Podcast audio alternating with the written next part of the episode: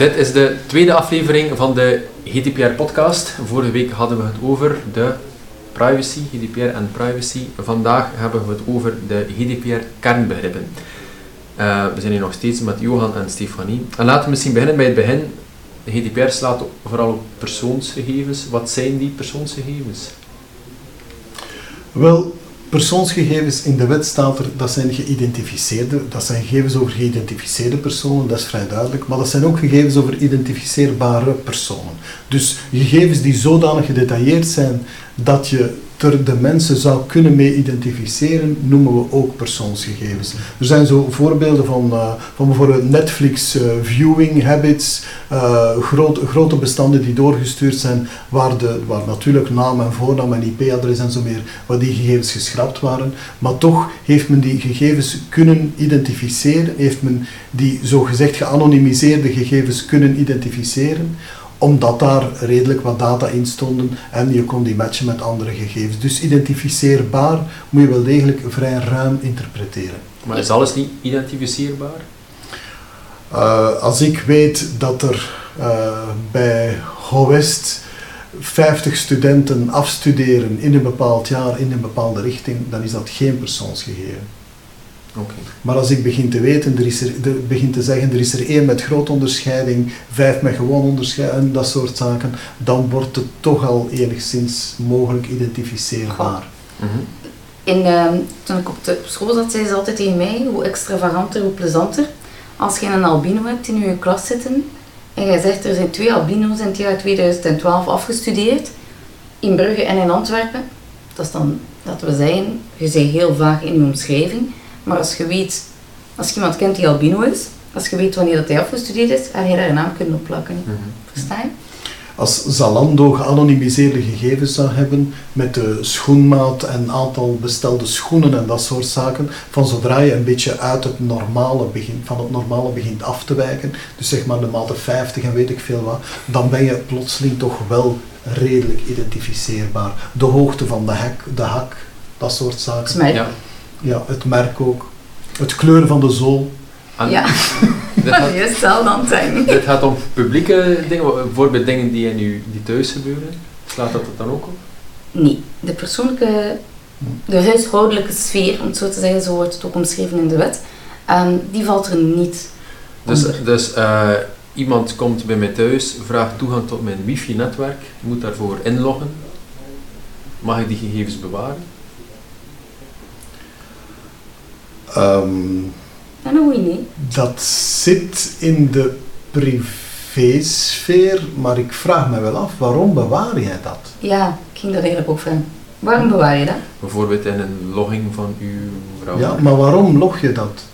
Is dat uw router die dat automatisch doet? Bijvoorbeeld, stel dat hij dat automatisch doet, ja. Ja, maar dan, is dat, dan heeft dat op zich niks te maken met die andere persoon. Dan is dat iets dat hij altijd doet, ook voor jouw gegevens. En dan is dat eerder een probleem in uw relatie tussen u en uw router. En moet, er, alleen moet je nagaan, oké, okay, uh, wat is daar de wettelijke grond van? Maar, maar met, met huishoudelijk gebruik bedoelen we uw contactenlijst op uw telefoon. Als jij een pure privépersoon bent, dus geen, geen zakelijke toestanden, dat is Allee, je moet geen toestemming of wettelijke grond hebben om mijn telefoonnummer in uw telefoon te stockeren. Oké. En dan moet je ook rekening houden met een B2B en een B2C. Dus business to business en business to consumer. Zowel business to business als business to consumer moet je mee rekening houden. Waarmee ik wil zeggen, als jij bent aan het denken aan een B2B bedrijf, elke keer uh, een, een, bedrijf dat security producten verkoopt aan, aan andere bedrijven? Die heeft daarvoor ook persoonsgegevens nodig. Die gaat gaan mailen met zijn leverancier, gaat gaan mailen met zijn klanten. Dat zijn persoonsgegevens. Als dat een eenmanszaak is, oké, dan heeft hij geen payrollverwerking. Mm. Maar neem nu dat hij drie of vier mensen onder zich heeft, dan heeft hij dus ook mensen waarmee dat hij samenwerkt, waarmee dat hij loonsverwerking gaat doen, waarmee dat hij ook HR-activiteiten doet, een evaluatie en dergelijke. Daar hoeft niet altijd een evaluatie bij, maar bon, bij aanwerving, bij het selectieproces komen daar ook persoonsgegevens bij. Mhm. Die moet zich daar ook van bewust zijn dat het persoonsgegevens zijn, dat hij gaat gaan verwerken voor een bepaald doel en dat hij moet ook maken dat hij bijvoorbeeld niet vraagt welke schoenmaat heb je als het een HR-bedrijf is. Neem je een productieomgeving, van eh, chocolade. Die hebben bepaalde schoenen, veiligheidsvoorschriften, bepaald kledingmateriaal, allee, Dat hij dan vraagt aan die persoon welke maat heb je, welke schoenmaat, en dat hij dat bijhoudt ter vervanging van die kleren. Ja, maar dat hij dat dan wel niet vraagt op het moment dat hij zijn selectieproces doet. hè. En op zijn cv schrijft ook een keer schoenmaat en een kledingmaat. Dat is niet proportioneel. Ja. En daar komen we eigenlijk op, het, op, het, op een van de eerste felle kernbegrippen van de GDPR, dat is doelbinding. Op zich is er niks fout met verzamelen van de schoenmaat van iemand, maar je moet wel kunnen zeggen waarom verzamel je dat. En, en als je dat voor meerdere doelen verzamelt, bijvoorbeeld om, eh, om, om te weten welke veiligheidsschoenen ik moet bestellen, of misschien zelfs om een overzicht te hebben, om te weten welke veiligheidsschoenen ik in stok moet hebben als, er, allee, als, als, als daar bepaalde problemen mee zijn. Ja. Dat, kan, dat, dat, kunnen gelden, dat kunnen goede doelen zijn, je moet ze natuurlijk melden. Maar ga je die gegevens ook nog eens doorgeven aan mijn partnerbedrijf Zalando, omdat die, omdat die mensen mij daarvoor betalen om, om een, een idee te hebben van wat, voor, allee, wat, wat is het verband tussen schoenmaat en, en bepaalde activiteiten, dan dat gaat hij dan over. En dan, als je dat als doel zou hebben, had je dat ook moeten melden aan die mensen. Dus het, het doel moet altijd wel omschreven zijn. Ja, Ja. duidelijk en transparant. Ja. Dus we komen op ons tweede punt, of derde punt. Ja, Transparantie. Ja. Mhm. Dus als ik effectief, gaan we heel de tijd spreken over die schoenen of gaan we een ander We gaan voorbeeld dus doen? iets anders nemen. Ja, Dus iets anders niet. Maar ik wil het bijvoorbeeld een keer hebben over eh, zeg maar een groot bedrijf als Google. Ja. Ja. Ehm, dat heel veel data verzamelt. Ehm, waarschijnlijk weten zij nog niet in de toekomst wat ze met bepaalde data gaan doen. Hoe moeten zij hun doel omschrijven? Wel, dat is eigenlijk volledig tegen de hele geest en letter van de GDPR. Ja. Heel het internet, of toch zeker vanaf de jaren 2000, is gestart met het idee van laten we zoveel mogelijk gegevens verzamelen. We zullen later wel zien waarom. Dat is 100% tegenstrijdig met het idee van GDPR en met die doelbinding van dat straks. Ja. Google moet u melden welke gegevens ze verzamelen, waarvoor ze dat gebruiken. En als ze daar willen een uitbreiding aan, aan maken, omdat ze, allee, omdat ze zeggen dat daar, omdat ze een nieuw idee hebben, dan moeten ze dat in principe opnieuw melden, moeten ze daar opnieuw, moeten ze daar opnieuw mee, ja, ev- eventueel een wettelijke grondslag, maar daar komen we straks nog op terug. Ehm, dus het moet transparant zijn, eh, had Ja. je gezegd? Ja. Dus het moet wel omschreven zijn waarom dat je ze verzamelt. En dan komen we ook op het punt. Als je data verzamelt, moet je ze zo minimaal mogelijk houden. We hadden het daar straks over het selectieproces. Als ik mijn cv stuur, moet ik daar niet mijn burgerlijke staat al op zetten. Hoef ik mijn rekeningnummer daar nog niet op te zetten. Het enige dat zij nodig hebben van mij, wat zijn mijn belangrijkste kenmerken? Wat is mijn achtergrond? Als ik al wel of niet een job gehad heb. En hoe lang? En dat is eigenlijk voldoende. En de job waarvoor ik solliciteer natuurlijk. Mhm. Is, is uw geslacht dan eigenlijk, is dat, is dat correct dat men naar uw geslacht vraagt? Nee, dat hoeft niet. Dat, eh, dat heeft een andere wetgeving Ja. te maken. Nee, nee maar, ges- maar ik, allee, ik stel de vraag van geslacht, burgerlijke stand, dat zijn zo van die zaken die men graag vraagt, maar je moet u daar eigenlijk de vraag stellen, waarvoor heb ik dat in deze context nodig? Als je het niet nodig hebt, niet verzamelen en zeker niet bewaren. Juist. Ja. En daar wil ik eigenlijk een verhaal vertellen. In Amerika, we zeggen altijd de Amerikanen eh, en privacy, die staan daar enorm op. Dus in principe, in Amerika op hun cv staat er geen foto. Mocht je niet vragen of dat ze getrouwd zijn. Moet je niet vragen of dat ze nog plannen hebben om kinderen te hebben of niet. Of ze getrouwd zijn. Zij komen solliciteren voor een job. Het gesprek moet puur over die job gaan. En niet meer, niet minder. En als je meer vraagt, gaan ze je zelf zeggen van kijk, sorry, maar het mag niet. Dus daarin zijn wij in België veel losser. Wij gaan wel vragen van, ja, ja zijn er kinderen eh, getrouwd, ja. En dan mag je niet. Dus data minimalisatie en opslagbeperking. Als jij een cv hebt, dan moet je ook nagaan, hoe lang is die cv eigenlijk wel correct? Ja. Als ik die job niet aanvaard en ik, ik heb een andere job, dan is mijn cv eigenlijk al vervallen. Omdat er daar andere ervaringen bij komen, andere elementen dat gaan benadrukken. Dus Ook, ook, ook daar komen we terug op doelbinding. Stel dat je voor een specifieke vacature solliciteert, dan heb je eigenlijk alleen maar gezegd, oké, ik wil voor deze vacature solliciteren, dan mag, dan mag men jou zelfs niet antwoorden, eh, we hebben uw kandidatuur niet weerhouden, want er was een betere kandidaat, maar we gaan uw gegevens in de wervingsreserve stoppen. Als men dat niet gemeld heeft, dan kan dat eigenlijk niet. Nu, de meeste mensen gaan daar intelligent in zijn en gaan zorgen dat, dat ze dat wel degelijk vermelden als ze dat willen doen. Maar het zegt wel iets. Ik heb hier het recht om enkel voor die functie te solliciteren en voor de rest moet je, mij, met niks, moet je, moet je geen data over mij verzamelen. Ja, uiteindelijk vragen ze nu wel regelmatig een mail van Ja, kijk, oké, ze zijn niet weerhouden, zou je het erg vinden voor toekomstige vacatures Ja. dat we plaatsen in de eh welverreserve en dan, dan geeft je toestemming eigenlijk. Ja, dat klopt. Dus eigenlijk met die twee elementen in het achterhoofd, we hebben onze bewaartermijn, is het wel noodzakelijk om te weten dat alles juist is die erin Ja, staat. en die, be- die, even die bewaartermijn, die, die ligt op voorhand vast. Ik ben een kleine KMO, ik, eh, ik heb een vacature, 20 mensen solliciteren. Hoe lang mag ik mijn cv bewaren, die cv's bewaren?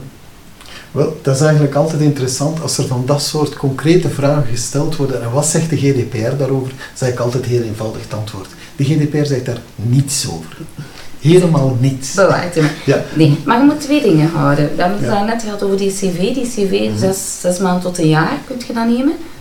Maar wie bepaalt dat het Nee. zes maanden of een jaar is? Je dat betaal je zelf. Ja, je Ja. moet zelf je doel formuleren en binnen dat doel moet die bewaartermijn ook vastgelegd worden, moet ook transparant gecommuniceerd Ja. zijn en die moet daarmee overeenstemmen. Je kan niet zeggen, het is voor het hele tijdelijke doel van de evaluatie van deze vacature en toch ga ik het 20 jaar bijhouden. Nu, uw cv is een slecht voorbeeld in die zin, omdat er een legale, wettelijke bewaartermijn op zit. Als je spreekt van factuur, dan weet je dat dat 7 jaar is. Met die fiscaliteit erbij kun je tot 10 jaar gaan. Als we spreken over een juridisch, eh, een, een medisch dossier, dan weet je dat het 30 jaar is. Dus als je weet Ja. dat je bij een opvang gaat naar een, eh, een spoed, dan is het een jaar en een half dat die medische gegevens moeten bewaard worden. Maar dat gaat Dat natuurlijk alleen wetten. over de wettelijke bewaartermijn. hè. Als je bijvoorbeeld zegt, oké, mijn facturen, die ga ik bewaren, die heb ik 10 jaar nodig, dat heb ik aan de kant, maar al die data die erin zit van persoon ter attentie van, ik kan dat afsplitsen in mijn database. Nou, nadat die factuur verwerkt is, Mhm. verlies ik die in data. Zolang dat, allee, houd er dan ook mee rekening, heb je dan een relatie met de leverancier of niet? Hoe lang is dat een contract dat loopt voor een jaar? Ja, dan moeten we dat wel gaan bijhouden voor dat jaar, Ja. natuurlijk die gegevens. Ho- Hoe lang moet een school als HOWEST de gegevens over zijn studenten bijhouden? Dat is een, een concrete vraag die we gesteld hebben aan, aan de mensen bij HOWEST. En ja, we dachten, oké, wat gaat dat zijn? Hè? Maar, maar het antwoord heeft ons enigszins verrast. 45 jaar hebben ze geantwoord. En de reden, dat, de, de reden is, kijk, er zijn heel vaak mensen die rond, rond hun pensioenleeftijd nog informatie hebben, nodig hebben om te bewijzen wa- wanneer ze precies gestudeerd hebben. En voor dat doel, dat niet het wettelijke doel is, maar dat een, dat een, een verantwoord doel is, dat ze ook moeten communiceren natuurlijk, zeggen ze, daarom bewaren we die gegevens 45 jaar. En misschien moet dat binnenkort aangepast worden als we allemaal langer moeten werken. Ja. En vandaar ook dat de data moet juist zijn die dat je bewaart. Dus uiteindelijk als ik ieder jaar verander van e-mailadres, heeft mijn e-mailadres geen nut in uw databank. Dus moet je maken dat die up-to-date is, correct, juist gespeld. En daardoor heb je dan je rechten als betrokken rectificatie. Dus je kunt gaan zeggen van kijk, de data dat je van mij verzamelt, klopt niet. Die dient aangepast te worden. Ja. Dus de GDPR zegt, je hebt recht om je data te laten aanpassen. Ja. Ja, ja, maar. Kanttekening. Eh, en er zijn heel wat rechten van betrokkenen. We komen, we komen daar later nog op terug. Maar recht op aanpassen, je, je moet dat vooral zien als het is eigenlijk een plicht van de, ver- van de ver- verantwoordelijke om te zorgen dat de gegevens correct zijn. Als iemand een correct doel heeft om mijn gegevens te verwerken, dan is het zijn plicht om te zorgen dat die gegevens up-to-date blijven. En hij moet daar enige moeite voor doen. Als hij die moeite niet wil doen en ik blijf maar verkeerde mails ontvangen omdat ik al lang niet meer allee, die, aan dat of dat criterium Ja. beantwoord, dan ook al heb ik hem dat al gemeld of ook al had hij dat op een andere manier kunnen te weten komen, het is zijn plicht om, om op dat vlak voor de juistheid te, allee, om die juistheid van die gegevens te blijven garanderen. Ja. Dat geeft hem natuurlijk geen blanco cheque om bijvoorbeeld bij het Rijksregister al mijn gegevens iedere maand op te vragen om, om volledig up-to-date te blijven. Hè. Allee, het, moet, het doel moet, allee, hij, hij moet daar een duidelijk doel bij hebben en allee, ja, dat Rijksregister, dat is daar geen oplossing voor. Eh, de data moet juist zijn, het doel moet wel omschreven zijn, het doel moet dan ook gemeld worden, denk ik. Ja, dat is transparantie, maar verantwoordingsplicht, dat is er eigenlijk een belangrijke. En daar straks bij die bewaartermijn hadden we het er ook al even over.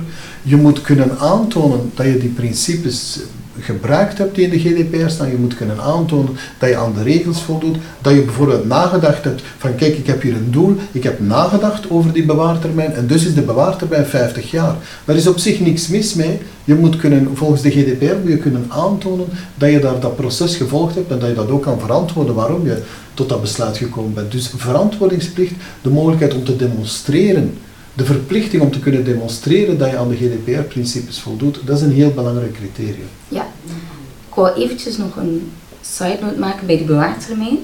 Het is niet omdat je 45 jaar beslist, als de wettelijke termijn minder is, moet je ze ook wel vermelden. Dus dan moet je echt gaan zeggen waarom dat die discrepantie er is Ja. tussen de wettelijke termijn en je eigen bewaartermijn. Dan ga je die ook moeten verantwoorden. Ja.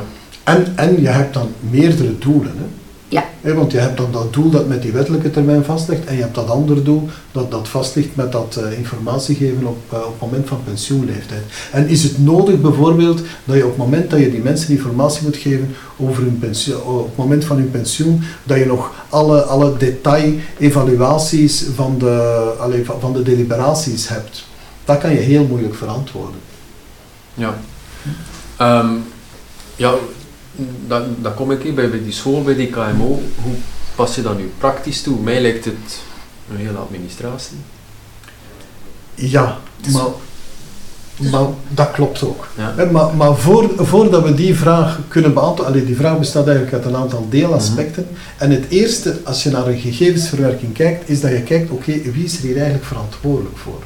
Want GDPR is een wet, GDPR heeft te maken met eh, allee, wie, wie is er eventueel aansprakelijk, bij wie, bij wie moeten we terecht, wie, wie moet eventueel de boete krijgen als er, een, als er een inbreuk is. En vandaar dat we, het eerste aspect is eigenlijk een, een controller-processor verhaal. Controller, processor. Leg uit. Wel, de controller is eigenlijk de verwerkingsverantwoordelijke, dat is Belgisch. Ik denk, die zegt eigenlijk ehm, de gegevens die je gaat gaan verwerken, waarvoor dat jij als verantwoordelijk bepaalt de manier waarop, dus het doel en het middel. Dus een concrete controller in het verhaal van de school en de diploma's is. Eh, in het verhaal van de school en de diplomas is de school zeker een vaste verantwoordelijke, maar de IT-cloud-leverancier van de school, die, die zijn niet de controller, want die werken volledig in opdracht van, die bepalen Ja. niet de doelen en de middelen. Dus zij zijn wat men dan in GDPR-termen noemt de processor. Ja, Ja. de verwerker. Je hebt niet altijd een processor en je kan meerdere processoren hebben. En dan is er nog een moeilijk aspectje. Je hebt ook het aspect co-controller. Dus als we het niet goed weten wie verantwoordelijk is, dan zijn ze allebei verantwoordelijk. Voor die activiteit. Ja. Dus dan maken we het nog ingewikkelder. Maar we willen het eigenlijk luchtig houden. Ja, Dus de verantwoordelijke is die, die zegt welke data die nodig heeft. Mhm. en waarvoor. En de processor gaat dat doen in opdracht van. En Ja. die beperkt zich tot dat stukje. Oké. En, en dat is vooral een wettelijk aspect om te weten wie, wie is er aansprakelijk als er, allee, als, er, als er klachten zijn. Bij wie moet je terecht om je rechten van betrokkenen te doen gelden. Een, een bekend voorbeeld is bijvoorbeeld de Wirtschaftsakademie. De Wirtschaftsakademie dat is een, een, ja, een Duitse organisatie die een website heeft. En die hadden besloten om die website, om eigenlijk een Facebook fanpagina te maken en om die als website te gebruiken. En daar is dan discussie over geweest. Wie is er hier controller? Wie is er hier processor? Facebook, dat is, dat, de, dat wat elke organisatie probeert altijd te zeggen, ik ben processor. Maar Facebook wilde natuurlijk ook zeggen, ik ben processor. Maar het bleek dat de doelen en de middelen wel enigszins bepaald werd door de Wirtschaftsakademie, want zij hadden tenslotte beslist om die website te maken. Zij hadden ook mogelijkheid om via parameters op die Facebook fan- fanpagina te beslissen welke data wel en niet eh, gelogd werden. Dus ze hadden er wel degelijk enige invloed op, maar op heel veel aspecten hadden ze duidelijk geen invloed. En Facebook gebruikte die ook nog voor andere doelen. Dus dan zeg je, Facebook en, en de Wirtschaftsakademie waren beiden co-controller. Ja. En dan gaat dat nog een klein beetje verder. Planet 49, dat is een, dat is een nog recentere case. Planet 49 is ook een Facebook-verhaal, maar dat is een gewone website, geen Facebook-fanpagina, maar een gewone website met een, eh, met, met een Facebook, eh, met een Facebook like-knop. En daar kan men dan zeggen, ja, eh, die Facebook like-knop, Wie bepaalt daarvan het doel en de middelen? En oké, Planet 49 heeft beslist om die daarop te zetten, maar voor de rest hebben die er eigenlijk niks mee te maken. Dus zoals die rechtszaak nu aan het evolueren is, maar het is nog niet helemaal definitief, gaat men ervan uit dat daar voor dat aspect, niet voor die website natuurlijk, maar voor die like-knop, gaat Facebook daar 100% controller zijn en is er geen co-controllerschap. Dus je moet een beetje, allee, het, het, het, het, is geen gemakkelijke, het is geen gemakkelijke discussie om te bepalen wie is er verantwoordelijk, maar vrij snel moet je toch, je, je moet ervan uitgaan dat de organisatie die het initiatief genomen heeft, meestal is dat niet moeilijk om die te vinden. En die is de verantwoordelijke, zeg maar. Ja. Goed, en verder? We hebben, een, we hebben een controller, we hebben een processor. En dan hebben we die, die die gegevens verwerken op basis van een wettelijke grondslag. En we hebben er daar zes van. De meest gekende is toestemming.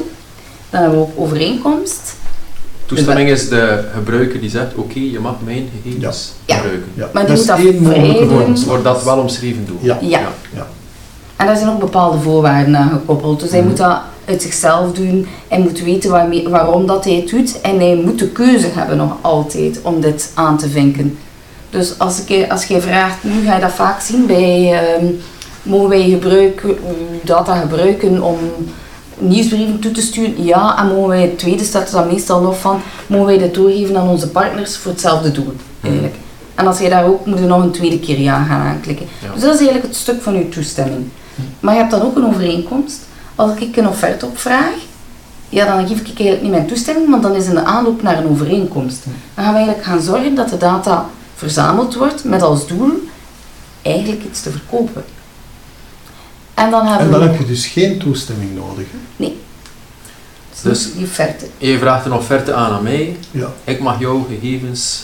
Jij mag, jou, jij mag mijn gegevens verwerken voor, de offerte. context van die, van die, overeen, van, Ja. van, van die overeenkomst, Ja, van die offerte. ja. En, en, maar misschien is het ook belangrijk om de evolutie van die offerte. En, en, en heel vaak vragen mensen nadien een aanpassing van een offerte. En dan is het wel gemakkelijk dat je die vorige offerte bewaard hebt. Je moet dat natuurlijk allemaal transparant melden. Maar je kan zeggen, oké, en daarom bewaar ik dat één of twee jaar bijvoorbeeld. Dat zou kunnen in een bepaalde Ja, context. ja, ja. En dan heb je de wettelijke reden, Ja. zoals het eh, medisch dossier, dat je zelf het stuk gaat gaan. Ja, Ah. of wat je dat straks gezegd hebt, de facturen bewaren. Ja. Je moet de facturen bewaren om, om, in ieder geval onder andere om een wettelijke reden. Het algemeen belang, dus dat spreekt voor zich. Dat is eigenlijk om de, open- de bewaring van de openbare orde, dus de veiligheid van de mens. Het, Ik denk dat dat nu wel vaak het nieuws is, het algemeen belang. Slaat dat dan ook op eh, videocamera's aan het station? maar daar heb de, de Ja. speciale wetgeving van de camera op. Ja. De camerawetgeving in artikel 3 daarvan zegt hij zelf, ofwel het voor preventieve redenen, ofwel ter preventie van crimi- allee, criminaliteit of om bepaalde acties tegen te houden. Dus bij evenementen, dat is eigenlijk dat gaan inzetten om de mensen te gaan helpen om de veiligheid van de burger te waarborgen. Je, je hebt nog heel wat specifieke contexten. En, en als een specifieke context volledig vastgelegd is in een wet, zeg maar eh, camera's of, of voetbal, eh allee, voetbalgerelateerde wetgeving, dat zijn zaken waar er al een specifieke wetgeving is die zegt, je mag daar dat mee doen. Soms zegt die wet wel van, je mag die data één maand bewaren bijvoorbeeld, dat staat dan heel duidelijk. Allee, dat moet je niet zeggen je zegt GDPR, mag ik dat zelf afwegen. Nee, de wet zegt het heel duidelijk. Ja. Maar als je in die wet zeg je bepaalde dingen heel specifiek, maar zeg je misschien andere dingen niet of, of, of heel, heel impliciet. En dan ga je daar weer in het algemeen de GDPR kunnen toepassen. Maar je moet een beetje opletten, alleen men noemt dat lex specialis, lex generalis. Als er een speciale wet is, heeft die eigenlijk voorrang. Maar als die speciale wet dan niks zegt over een bepaald onderdeel, dan is het opnieuw de GDPR. Mhm. Inderdaad. Dus dat was algemeen belang. Ja. hebben ook vitaal belang. Dan moet je alleen maar bij nadenken het moment dat je in kritische toestand bent, dat ze je gegevens moeten wel ver... Ja. Na een ongeval, Dus- uw bloedgroep bijvoorbeeld. Wel, als, als ik op dat ogenblik op sterven lig, dan mag vitaal belang gebruiken. Vitaal belang mag niet gebruikt worden voor om te even welke medische toestand. Allee, ja, dat is, Ja. Het moet in kritische noodtoestand zijn. Maar, maar als, als je in een ziekenhuis komt, dan heb je eigenlijk een overeenkomst om je een bepaalde behandeling, toch als het niet heel kritisch is, dan heb je een overeenkomst om een bepaalde behandeling Ja. te laten doen. En Maar dan geef je ook toestemming daarvoor, hè? Ja. maar eigenlijk, Daar gaan we dan subiet op die Ja. toestemming dan verder ja. bij de gevoelige Ja. gegevens dan gaan kijken. En dan is er nog de troefkaart en die heet gerechtvaardigd belang. Dus als we niet weten, is het gerechtvaardigd. Zo wordt het voorgesteld. Ja. Maar je moet daar toch wel een balanceringstest voor doen om te weten waarom. Een van de zaken dat je bijvoorbeeld kunt zeggen, gerechtvaardigd belang. Ehm, we hebben CAO 68, dat is de camerabewaking op het werk. Daar heeft de werkgever eigenlijk het gerechtvaardigd belang om zijn werknemers te filmen zonder die toestemming. Heeft er wel informatieplicht, maar dit is ter preventie van de gezondheid van zijn mensen, ter preventie van diefstal, voor de, zijn gebouw, dat dat ook niet, niet vernield wordt. Dus hij heeft daar het gerechtvaardigd belang om dat daar te plaatsen, ook al gaat hij een inbreuk plegen op de privacy van die mensen. Maar, daarom zit er een andere clausule, hij mag dit niet filmen op de mensen, hij moet dat op een opening van een deur doen, op het productieproces, zodanig die mensen komen wel in beeld, maar het is wel, het doel is bijvoorbeeld om zien dat het productieproces goed verloopt.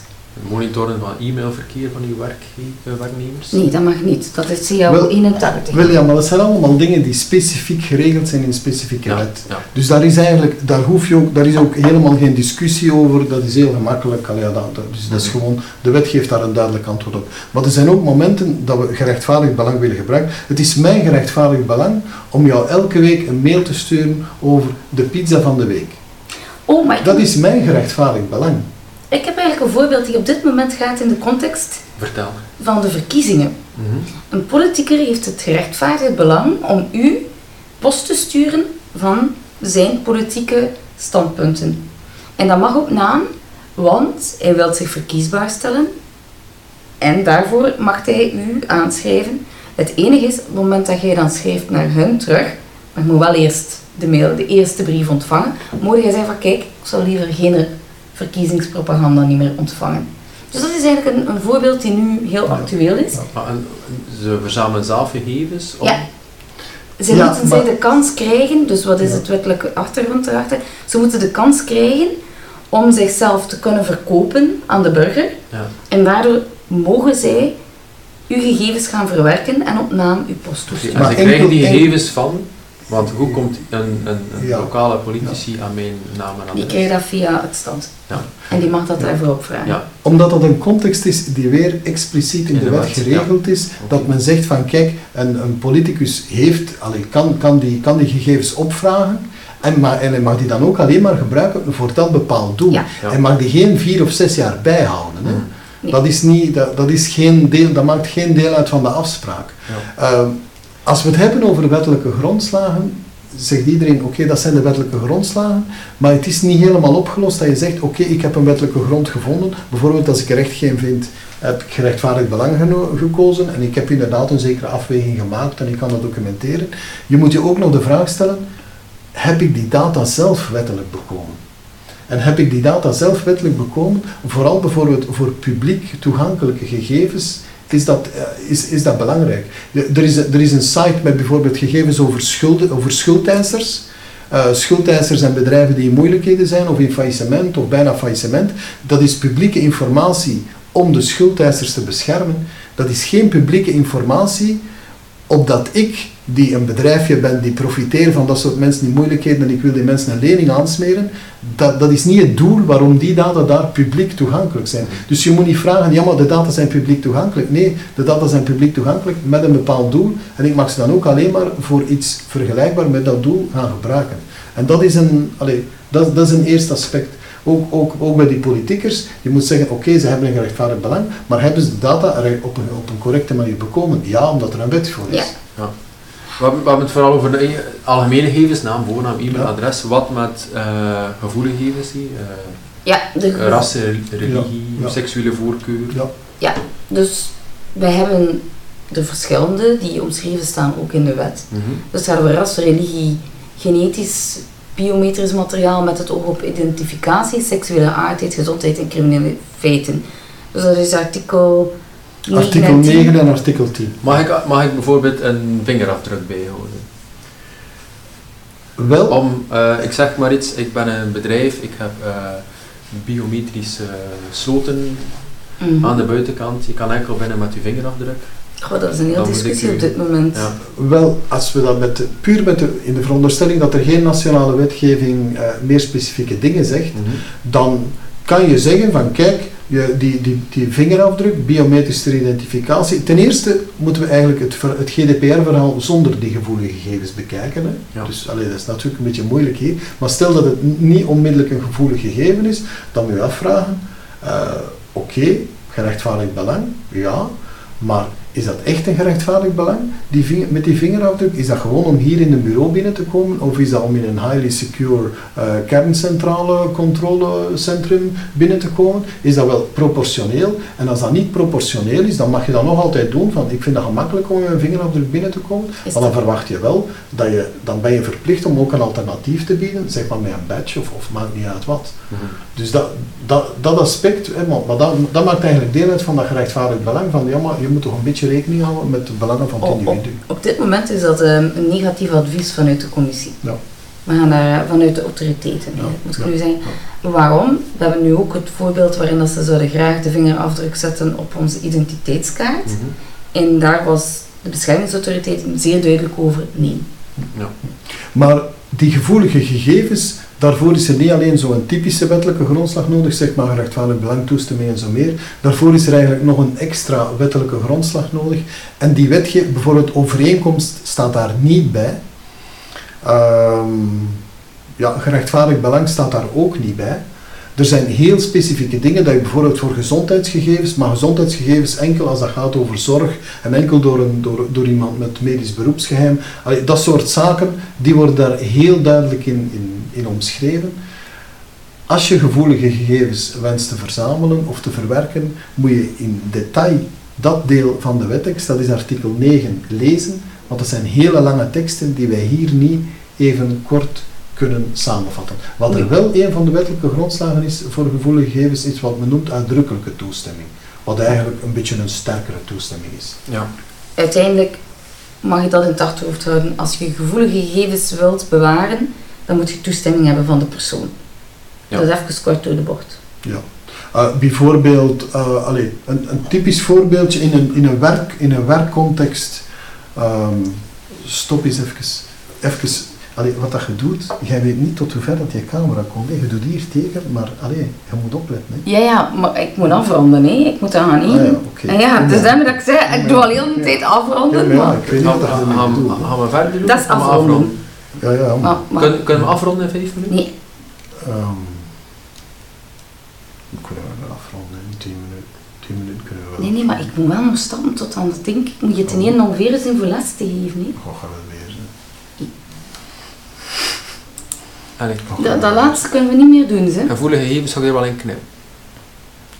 Ah, Ah, maar we doen vanmiddag verder. Wanneer zijn je terug? Ik heb les van 31 tot kwart voor vijf. Ah. Ah, en eh, we volgende week. We doen volgende week verder. Morgenochtend kan ook, hè. Morgenochtend kan ook. Ja, maar ik ben hier niet. Ik, eh, ik ben hier maar Zeg, donderdag terug. Zeg, willen we eens even proberen afronden? Want allee, volgens mij kunnen we daar heel snel. Maar dat kunnen we niet meer behandelen, zo de comité's en Maar al. we doen dat gewoon. We zeggen gewoon, er zijn er vrij veel en de bel. Ja, maar we zitten ook al aan moet 33 minuten, dus we Ja. moeten ja, nog. maar ja, we zitten al Ehm, 10 minuten babbelen. Goed. Sst, De- eh, dus, begrijp ik het goed, eh, we hebben de GDPR-wet, eh, maar die is niet altijd van toepassing. Er zijn ook andere zaken waar we moeten mee rekening houden. Ja. Maar ze is altijd van toepassing. Mhm. Maar er zijn wetten die sterker zijn, die bij bijvoorbeeld de voetbalwet. Ja. De voetbalwet heeft specifiek eh, bepaalde bepalingen in het kader van camera's. Mhm. Dus die gaat dan, of de camerawetgeving gaat dus, heeft prioriteit, maar je moet je wel verantwoorden waarom dat je gegevens gaat gaan verwerken. Ja. Dus voor je camerawet ga je geen expliciete toestemming moeten geven om beeldverwerking, maar heb je wel informatieplicht. Maar je moet wel zeggen waarom dat je die beelden gaat gaan verwerken. Oké. Niet omdat het tof is om dat ze passeren. En wat moet die organisatie nu eigenlijk doen met die persoonsgegevens? Wat, wel, dat was eigenlijk de initiële vraag Ja. waar we 20 minuten geleden aan begonnen waren. ja? En heel kort door de bocht zijn er een heleboel toch wel administratieve zaken die je moet op orde hebben. Je moet dat gedocumenteerd hebben, je moet dat neergeschreven hebben, je moet dat gecommuniceerd hebben. Je moet, je moet klaar zijn om, om bepaalde rechten van betrokkenen te doen gelden. Maar, en dan een tweede aspect dat je, waar dat je toe verplicht bent als controller, dat is dat je passende maatregelen neemt om die persoonsgegevens, die toch wel belangrijke dingen zijn, om die te beschermen. Ja. En, en wat zegt de GDPR en welke? En moet ik nu bepaalde authenticatie en mijn vingerafdruk en zo? Terug, de GDPR zegt daar niks over. Zegt gewoon, je moet passende technische en organisatorische beveiligingsmaatregelen nemen. En in dat kader, als er een klacht komt, dan gaan we ze in België, hebben we de GBA die daarvan toepassing is. Ja. Voor de burger, bij B2B en B2C. Comité P, Comité I, Comité I. Ja. En het COC, dus het controleorgaan bij de politie. Dus je hebt allemaal organen die dan meer voor overheidsinstellingen, of koppelende instellingen zijn, militair, eh, politie. En dan ook nog de Vlaamse toezichtscommissie. Dus die, die klachten gaat behandelen Ja. en nakijken en gaat aftoetsen of dat ze wel degelijk relevant zijn Ja. of niet. En, en de rol van de autoriteit, van zo'n soort autoriteit, is dat je als burger altijd bij hen kan klacht indienen. Als je vindt dat, je, dat, je, allee, dat, er, dat, er zaken, dat er zaken gebeuren bij een bepaalde organisatie die niet, die niet correct zijn. Eh, en die organisatie kan zelf ook op eigen initiatief bepaalde checks gaan uitvoeren, vragen stellen. Zo, die organisatie kan ook aan, aan bewustmakingscampagnes doen. Dat is zo'n beetje Ja. hoe grofweg de doelstellingen.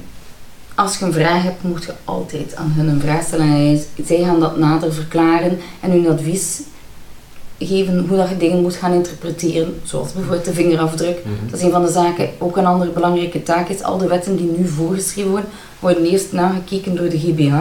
En gaat dan daar een advies op geven hoe dat je kunt omgaan met die persoonsgegevens. Ze gaan, gaan de Belgen dan geen ander advies geven dan de Fransen?